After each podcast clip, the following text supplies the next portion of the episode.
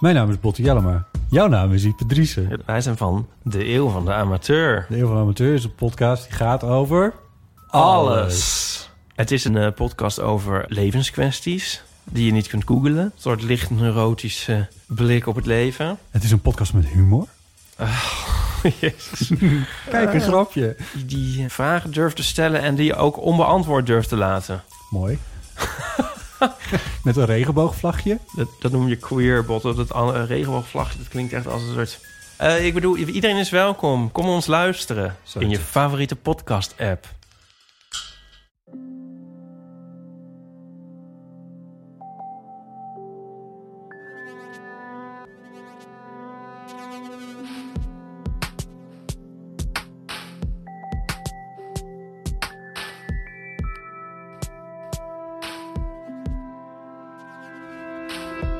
Hey, ik ben Pieter van Relaas. In Relaas hoor je waar gebeurde verhalen en die worden verteld door de mensen die ze zelf hebben meegemaakt. Deze week een verhaal met heel veel hoogtes en laagtes. Alhoewel, vooral laagtes als ik er nu aan terugdenk. Gelukkig loopt het goed af, het verhaal, want Hannelore was nog in staat om het met brio in geuren en kleuren te vertellen tijdens Relaas in het huis van Alain in Gent.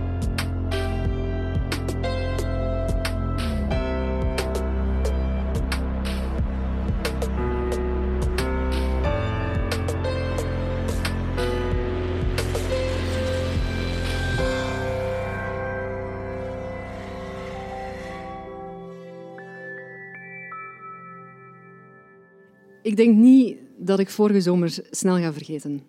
Ehm, mijn vriend en ik wij, eh, maakten een driedaagse bergtocht in de Italiaanse Alpen. En ik moet zeggen dat ik ehm, bij aanvang al vrij zenuwachtig liep. Niet alleen omdat ik genegewijs niet zo'n goede rug heb en niet zo'n goede knieën en dus niet wist wat dat ging geven om eh, drie dagen lang op en af te gaan met 15 kilo op je rug. Ehm, maar ook omdat mijn vriendin en ik daarvoor, net de week ervoor eigenlijk, een, eh, een reis hadden gemaakt met een gemeenschappelijke vriendin. En dat die behoorlijk spanningsvol was verlopen. Dus ik was heel benieuwd eigenlijk wat ging geven om enkel samen met haar die ruwe bergen in te trekken, alleen zij en ik. Nu, de eerste dag was een prachtige dag. Het was super schoon. En wat die dag voor ons vooral heeft betekend, is een berg vertrouwen. Een vertrouwen in ons lijf, in ons kunnen, maar ook wel terug meer in elkaar. In het feit van, oké, we gaan ons hier wel doorslagen en dat komt allemaal wel goed. We begonnen de tweede dag dan ook echt vol goede moed en hoop en eh, vol goesting. Ehm, nu al vrij snel blijkt eigenlijk dat die een tweede dag toch serieus anders is dan een eerste. Ehm, waar dat een eerste ehm, ja, het een, een, een mooi bewegwijzerd pad was langs glooiende heuvels eh, en dat we heel veel wandelaars tegenkwamen, werd dat landschap de tweede dag eigenlijk vanaf het begin al heel veel ruwer. Ehm, het waren rotblokken zo groot als waar dat je zo ja, je benen moet optrekken hoger dan je navel eh, en zit te puffen en te zweten. En van het een op het andere moment ook weer uitkomt op bergmeren en, en sneeuwhellingen. En ja, echt gigantisch schoon. Nu, na een uur of twee eh, komen we de eerste wandelaar tegen. Ik zeg het, het is, is een, in tegenstelling tot de eerste dag, waar we heel veel dagjestoeristen tegenkwamen, was dit de eerste ontmoeting. En ehm, ik denk dat hij een jaar of zestig was of zo, de Italiaan die we tegenkwamen. En hij liep daar, hij liep daar met een gezwindheid waarvan ik echt dacht van, amai, dit is echt straf eigenlijk wel. Ehm, Oké, hij daalde wel, maar toch, ik vond dat toch bijzonder, bijzonder straf. Ehm, en hij kwam op ons afgelopen, eigenlijk op ons, hè, twee, twee jonge dames met een rugzak, alleen op pad. Eh, en hij wilde graag eigenlijk weten van, waar gaan jullie naartoe? Nu, mijn Italiaans is vrij beperkt eh, tot eh, ciao en buonasera, dat kan ik wel zeggen. Ehm, maar meer dan dat eigenlijk is, is lastig. En zijn Engels was ook niet zo dat. Nu, uiteindelijk begreep hij wel waar we naartoe wilden en begrepen wij van de trip gaat best wel pittig zijn. Nu, ik denk dat we dan na twee uur ondertussen ook al wel door hadden dat de trip best wel pittig was. Eh, dus wij ja, vol hè, met het vertrouwen van de eerste dag van kijk, met wat meer bloed, zweet en tranen gaan we er heus wel geraken. Ehm, we gaan verder op onze tocht ehm, en ik denk rond, ja, rond een uur of één, twee of zo besluiten van oké, het is tijd voor een middagmaal. Hè, voor zij die al eh, af en toe een trektocht hebben gemaakt, dat is zo van die van die zakjes, hè, zo zakjesvoer. Smaakt enorm als je heel hard hebt gesport, dus uh, we waren daar heel content van. Uh, en het was ook een beetje de mogelijkheid om een keer te zien van, naar de kaart, oké, wat hebben we hier eigenlijk vandaag al van, van afstand afgelegd? Wat moeten we, we hebben nog voor de boeg? Welke richting gaan we uit? En we zagen daar zo in de verte zo'n aantal ja, bergkammen liggen. en op basis van de kaart hadden we wel zo'n beetje een inschatting gemaakt van, ah ja, dat ziet er heel stijl uit, gaan we zeker niet langs moeten. Ja, dat ziet er wat handiger uit, oké, dat, gaat wel, dat gaat wel lukken. Um, nu natuurlijk, we hadden een heel verkeerde inschatting gemaakt, uh, logisch. Uh, dus de pas waar we dachten, nee, hier gaan we zeker niet, nee, gaan we zeker niet langs moeten, was exact de plek waar we uh, moesten zijn. Nu, ik hou niet zo heel hard van grote rotsblokken, nog van sneeuwhellingen. Um, maar eigenlijk hou ik nog veel minder van de ondergrond die ik daar aantrof, zijn de grind. Ik heb daar een bloedhekel aan. Um, ik krijg daar geen grip op, op grind. En een beetje eigenlijk gelijkaardig aan, um, aan mijn eigen leven. Als ik geen grip krijg op situaties, dan word ik daar behoorlijk onrustig van. Um, dus ik merkte al heel snel van op het moment dat ik aan het, aan het stijgen was, dat ik... Uh, ja, dat, er zo, uh, dat ik zo klamme handjes kreeg en van die zweetoksels. Uh, iedereen kent het wel, denk ik. Um, nu, het was een beetje klimmen zoals de processie van Echternach. Je gaat twee stappen, dan stijgt je en je daalt eigenlijk weer een stap. Dus ik dacht van oké, okay, ik, moet ik moet het hier op een andere manier gaan aanpakken. Um, ik zet mij op mijn handen en mijn voeten met zo'n rugzak op mijn rug. Dus ik voel me een beetje gelijk zo een, moderne schildpad. Uh, en ik kruip echt zo snel als ik kan naar boven om de kans te verkleinen dat het grind mij terug mee naar beneden zuigt. Op zoek naar iets wat vast en stabiel is. En het eerste wat ik tegenkom is een gigantische rots. Um, ik denk niet zo heel hard na. Ik zit vooral in ik moet naar boven, ik moet naar boven, ik moet naar boven. Um, en op een bepaald moment, voordat ik het goed en wel besef, hang ik daar twee, drie meter hoog met 15 kilo op mijn rug, verticaal op een rots die een beetje aan het afbrokkelen is.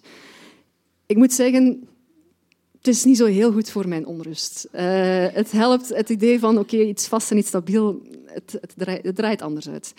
Nu, ik heb vrij veel hoogtevrees. Dat is ook niet zo handig als je naar de bergen gaat. Maar oké, kijk, het was een heel uitdagende trip. Hè, dus op veel manieren. Um, maar ik had het gevoel van, ja, oké, uh, naar beneden gaan ja, is nu geen optie meer. Want ja, ik weet niet waar ik mijn benen moet zetten. Ik zie niet waar ik hier naartoe moet. Ik zie alleen maar wat er boven mij is. Dus uiteindelijk, de logische weg is naar boven. Uh, ik klim en klauter, ik puf en ik zucht. Uh, en uiteindelijk kom ik na nog twee meter verder op een stukje rots, zo groot als een kussen. Niet het kussen dat op je bed ligt of dat zo het kussen dat in een grote zetel zit, maar zo een sierkussen. Zo, hè, dat, je zo, dat je moeder heeft gezien in het boekje en denkt van, ah, zo gaan we het huis gezellig maken. Mijn moeder heeft dat alleszins. Um, dat soort kussen. Maar dan hoekig en hard en ook niet effen. Dus ja, zo merkend van zo zitten. Dus heel weinig, eh, heel weinig vastigheid. Um, nu, mijn vriendin, um, die staat nog een heel eind beneden. Ik, ik, had zoiets van, kijk, wacht maar even, want ik ga alleen maar stenen in je schoenen werpen als je vlak achter mij komt. En ik maak haar duidelijk van, dit is niet de plek waar je naartoe moet komen. Ik denk dat je beter een ander pad kiest. Dus zij ook, zij klimt en zij zoekt en zij puft en zij zucht en zij komt uiteindelijk op haar eigen sierkussen terecht tien meter verder van mij, um, maar wel in exact dezelfde situatie. Um, als zijnde, we beseffen vrij snel zonder woorden dat dit niet zo heel oké is. Um, dat dit niet de plek is waar we moeten zijn en dat dit zeker niet het pad is wat we eigenlijk moeten volgen. We kunnen niet naar onder, of we voelen alleszins niet hoe dat we naar onder kunnen, want daar is het vrij stijl bergaf en we horen onze eigen botten al zo wat kraken bij het idee van dat we dat zouden moeten doen. En links, rechts en boven is eigenlijk alleen maar puin. Waarvan we denken van, ja, als we daarop beginnen wandelen, dan weten we ook niet van hoe hard gaat dat beginnen rollen en dan gaan we daar gewoon onder verpletterd geraken. Ik moet zeggen, in plaats van onrust is het op dat moment al vrij paniek. Um, het is niet meer het soort dat je voelt als je zo heel even um, denkt dat je een fietser gaat aanrijden of aangereden wordt. Uh, want dat passeert heel snel, meestal gelukkig, hè, um, in dat geval was het dan niet zo. Um, en dachten wij na tien minuten nog altijd, wij moeten hier niet zijn. Um, dus vrij snel hadden we het idee van, oké, we gaan iemand moeten bellen, we gaan de hulpdiensten moeten bellen. Nu, ik weet niet of er vanuit, allez, van jullie pendelaars zijn. Uh, maar ik kan u verzekeren, de verbinding in Brussel-Zuid of zo is behoorlijk slecht. In de Italiaanse Alpen is dat nog iets slechter. We hebben één keer geprobeerd, drie keer geprobeerd, tien keer geprobeerd. Met mijn gsm, met haar gsm. We krijgen niemand te pakken. Je krijgt daar zo een ijzige, nietszeggende stilte gewoon als je opneemt. Dus daar ging onze eerste strohalm. Nu, ondertussen werd de situatie er ook absoluut niet beter op. Um, ik kijk vrij weinig thrillers. Ik kan daar niet zo goed van slapen. Maar de weinige die ik heb gezien, daar dacht ik wel soms van... Hmm, dit scenario lijkt verdomd veel eigenlijk op het scenario dat wij hier aan het meemaken zijn. Um, in tegenstelling tot, ik ben helaas niet Brad Pitt of uh, weet ik veel wie, iemand anders die zo wat zotte stunts gaat uithalen. Um, maar het was wel heel duidelijk van dat er een aantal dingen bijkwamen dat ik dacht, allee, kom. Um, we zitten daar heel eventjes en we horen gebulder. Onweer in de bergen is vrij onvoorspelbaar. Uh, het ene moment kan dat een kilometer van u vandaan zijn en heb je zoiets van, dat gaat wel passeren. Een minuut daarna kan het zijn, eigenlijk, zoals in ons geval, dat het net op die top inslaat waar dat jij vlak langs zit. En dat je denkt eigenlijk van, ah nee, ik ga niet sterven door een gebroken nek, ik ga gewoon geëlectrocuteerd worden vandaag. Dat is hoe dat ik ga sterven. Oké. Okay. Um, ehm, nu gelukkig, onweer is inderdaad onvoorspelbaar. Ene minuut daar, andere minuut hier. Maar evengoed hadden we vandaag chance en was het onweer na minuut ook weer gepasseerd. Nu natuurlijk, onweer is heel veel regen. Um, ik had alleen nog maar mijn shortje en mijn t-shirtje aan, want ja, we waren eerst heel hard aan het stijgen. Het deed al denken aan lang vervlogen goede tijden. Um, maar ondertussen zal ik daar wel helemaal doorweekt um, te bibberen. Niet alleen van spanning, maar dus ook van al de nattigheid. En ja, dacht ik van oké, nekbreken liever niet, geëlectrocuteerd worden ook liever niet, maar ook liever niet sterven van onderkoeling. Dus mijn lief begint op mij in te praten en zegt, oké, okay, Hannelore, je gaat je kleren moeten aandoen. Nu, ik zit daar inderdaad verkrampt op mijn sierkussen van rots, uh, met mijn dikke trekkersrugzak echt op mijn rug gegespt. Ik durf bijna niet te bewegen. Ik heb het gevoel dat iedere centimeter die ik links of rechts beweeg, mogelijk wel zou kunnen betekenen dat ik te pletter stort. Daar komt het eigenlijk op neer. Um, maar zo kan het ook niet. Dus oké, hetgeen wat ik probeer is dan echt centimeter per centimeter mijn trekkersrugzak naar mijn buik te trekken, de kleren die ik daarin heb zitten eruit te halen en zo goed als ook kwaad eigenlijk mogelijk ze aan te trekken. Oké, okay, dat gevaar is geweken. Ik denk, ik heb nog niet heel lang mijn kleren aan en ik hoor pok, pok. Ik kijk om mij heen, ik draai mij om en ik zie een steen die zo groot is als mijn hoofd, met een bijzonder groot tempo eigenlijk recht op mij afvliegen. Nu, ik moet zeggen, ik kijk vrij verdwaasd eigenlijk. Ik had dat nu niet gelijk verwacht.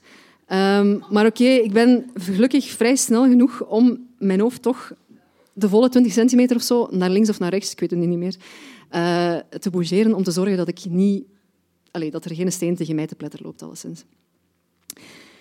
Ik denk, ik vind steenbok fantastisch, maar ik heb liever niet dat ze boven mij wandelen als ik daar ergens in een benarde situatie zit. Nu, al die dingen tezamen maakt eigenlijk van dat het alleen maar in crescendo gaat. Op dat moment um, zitten zowel mijn vriendin als ik in een gigantische doodsangst. Um, alle grote vloekwoorden komen in ons op. Kakkerij en kloterij en ik zie u graag en weet ik veel wat allemaal. Het, is, het passeert allemaal revue. En ook ons lijf staat helemaal op hol. Um, ik, ik heb kou en ik zweet tegelijkertijd. Ik heb echt een zure bek tot en met.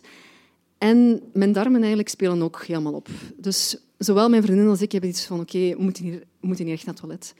Nu natuurlijk maar we moeten echt inbeelden. Het is echt verschrikkelijk om met zo'n darmgevoel te zitten. Um, dus oké, wat moet ik doen? Ik, uh, ja, ik trek zo goed als ik kan mijn broek naar omlaag. Uh, nog altijd steeds in dezelfde, in dezelfde benarde situatie. Ik zwier mijn gat, allez, of ik doe voorzichtig mijn gat, 20 centimeter naar rechts en ik laat gewoon alles stromen. Ik heb in een vorig verleden smetvrees gehad en ik kan u verzekeren, dat is echt totaal niets voor mij. Maar oké, ik laat het stromen, ik trek mijn broek af. Ik denk, oké, okay, zien we later wel, minst van mijn zorgen. En ik kijk hoe dat mijn kak samen met de grind naar beneden stroomt. Nu, doodsangst is tegelijkertijd ook liefde. Want ik heb ook echt gemerkt dat daarvan hoe graag ik het leven nog heb. En hoe graag ik eigenlijk wil leven en hoe graag dat ik die persoon zie die daar tien meter verder van mij zit, um, in een even benarde situatie als ik. Dus ondanks de doodsangst hebben we ook zoiets van, we willen dit niet. We willen hier graag uitgeraken en beginnen we plannen te maken. We hebben voor onszelf opgesteld, we geven onszelf tot zeven uur. Het is op dat moment een uur of vijf. Dus we hebben nog twee uur om uit deze situatie te geraken, want om acht uur wordt het donker en dan moeten we echt daar weg zijn. Op dat moment denken we ook van oké, hoe gaan we dat dan precies doen? Ja, we gaan onze rugzak naar beneden smijten, dan hebben we enkel ons eigen gewicht meer en gaan we dan proberen naar beneden te klauteren. Natuurlijk al in gedachten houdend van niet wetend welke botten dat we allemaal gaan breken en of ze allemaal even vitaal zijn of niet. Nu, net op dat moment dat we ons, ons plan hebben bekokstoofd, zie ik twee kleine stippen in de verte. Er zijn blijkbaar nog andere zotten in de bergen. Zijn er twee Franse toeristen die ook veel te laat eigenlijk hier rondzwerven, maar ik ben nog nooit zo blij geweest dat er ook andere mensen met slecht time management zijn. Twee Fransen, ze komen op ons af. Ze hebben blijkbaar dezelfde pas um, die ze door moeten.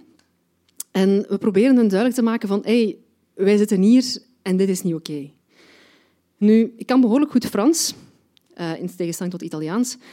Maar om de een of andere reden lijken ze niet echt heel goed te begrijpen wat er aan de hand is. Um, of blaken ze van een enorm zelfvertrouwen en wanen ze zich alpinisten en denken ze van oh, wij gaan die twee dames daar wel even redden en we halen ze wel naar beneden en we spelden onszelf een bronzen medaille op. Ik weet het niet. Alleszins um, leken ze dat wel van plan en vroeg het een hele luide oerkreet van mij om wel aan te duiden van deze is niet oké. Ga alsjeblieft terug. Nu, vrij vaag, zonder al te veel zeggen, verdwijnen zij opnieuw. Uh, het lijkt een slecht theaterstuk eigenlijk, waarbij dat opeens zonder cue uh, iemand van toneel verdwijnt en wij blijven zo wat achter van, niet wetend, ja, waar zijn die nu naartoe en hoe vers is dat waar die naartoe zijn? Gaan die echt hulp zoeken of niet? Hebben die ons begrepen? Nu, we hebben natuurlijk wel ondertussen een licht gevoel van hoop. Het is niet meer helemaal alleen maar zwart. Er is ook een klein beetje iets anders. Uh, nu ondertussen de tijd verstrijkt. Het wordt, uh, het wordt zes uur, uh, dus we hebben nog een uur om ons voor te bereiden op het feit dat we mogelijk toch uh, zelf naar beneden gaan moeten gaan. Um, op een moment dat mijn vriendin zegt, ze zijn er. En op dat moment heb ik echt, het, heb ik echt een hele mix van gevoelens. Enerzijds opluchting, ja, lijkt me logisch, maar anderzijds ook echt kwaadheid. Kwaadheid naar haar toe, omdat ik zoiets heb van, je moogt deze niet zeggen als ik ze zelf niet zie. Want er is niks ergers dan hoop hebben die je ook weer wordt afgepakt. Het duurt nog een tien minuten, een kwartier, voordat ik ze zelf met mijn eigen ogen zie. Voordat het gebulder ook een gedaante krijgt. Een helikopter. Een helikopter die komt, maar die helaas ook gaat. En die ons niet gezien heeft. Wat dat op dat moment ook de angst bij ons teweegbrengt van misschien zijn ze niet naar ons op zoek. Misschien zijn er andere mensen in nood waarvoor er gebeld is. En zitten wij hier nog altijd te wachten op hulp die niet komt. Tien minuten, een kwartier passeren voordat uiteindelijk de helikopter een tweede keer passeert. Opnieuw, wij zijn een beetje zo de speld in de hooiberg die niet gezien wordt. En opnieuw passeert de helikopter. En dan slaat echt de frustratie toe. Je hebt zoiets van, oké, dit, deze kan echt niet. Dit is echt een hele, hele slechte film. Dit is wat Sylvester Stallone type film of zo. Hè, waar dat er, ja. Dus wat we doen is... Um, ondertussen zijn we toch al iets bewegelijker of hebben zoiets van ja, oké, dit maakt allemaal niet zoveel meer uit. Dus pakken we vlug alles uit de rugzak wat we kunnen pakken, binden dat aan onze stok en beginnen daar te zwieren gelijk een zot. Um, derde keer goede keer, het is een cliché, maar uiteindelijk blijkbaar wel. En um, ja, de helikopter heeft ons gezien. We komen eigenlijk langzaamaan in het stuk van onze vallei en ze hoeveren zo wat, ik weet het niet, 40, 50 meter of zo van ons vandaan tegen de bergflank.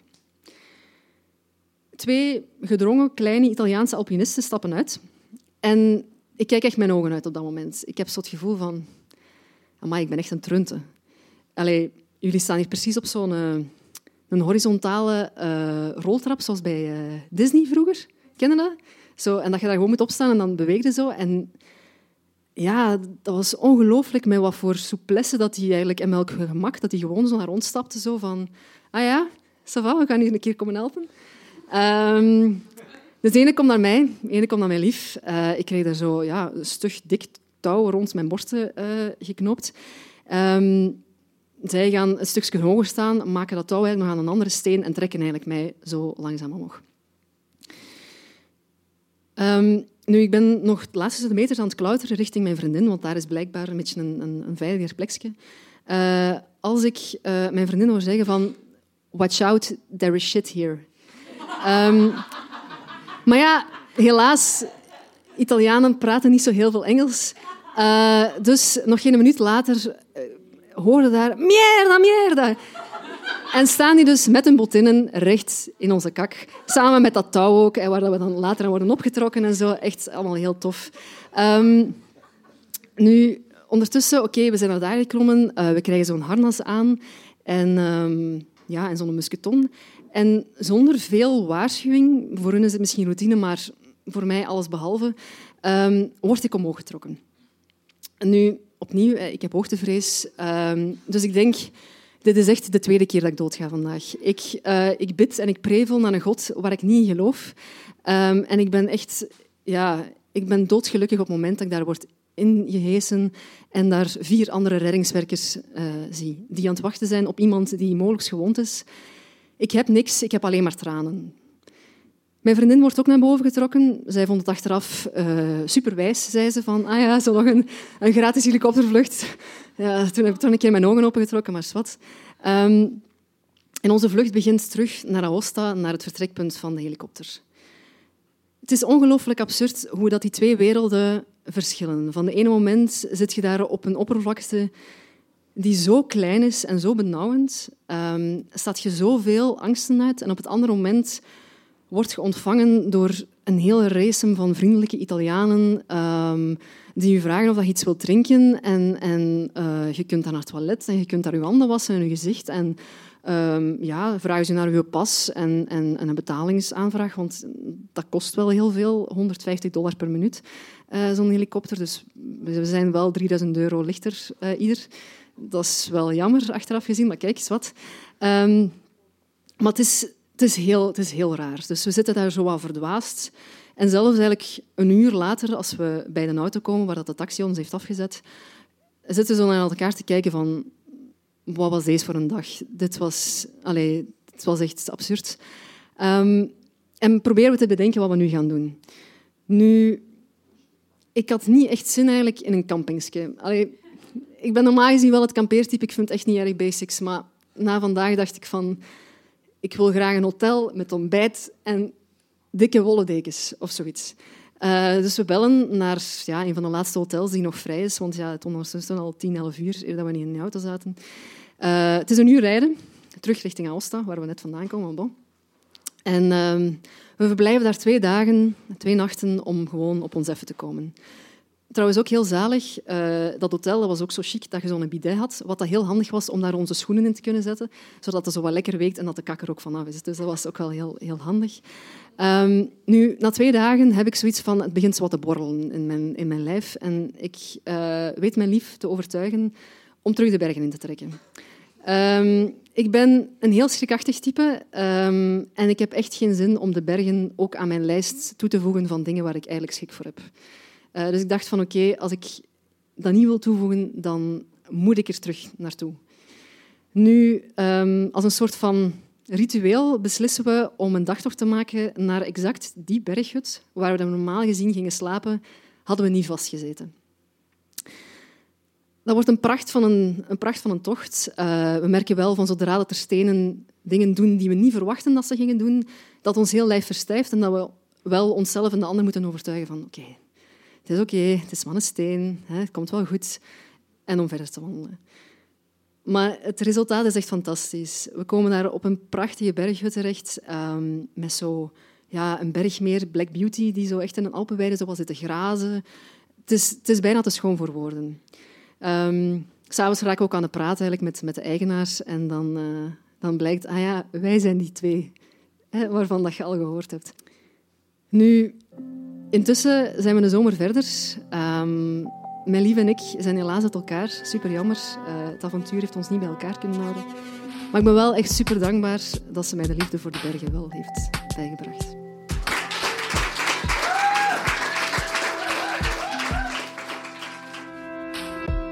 Dat was het relaas van Hannelore. Ze heeft het verteld in Gent, in het Huis van Alain. Het was in oktober van 2021. En het was inderdaad zoals onze presentator Timon die avond vertelde. We hebben met relaas al heel veel reisverhalen gehoord. En ook wel al heel veel benarde situatieverhalen. Van over heel de wereld, waar er uiteindelijk ook wel hulpdiensten aan te pas moeten komen.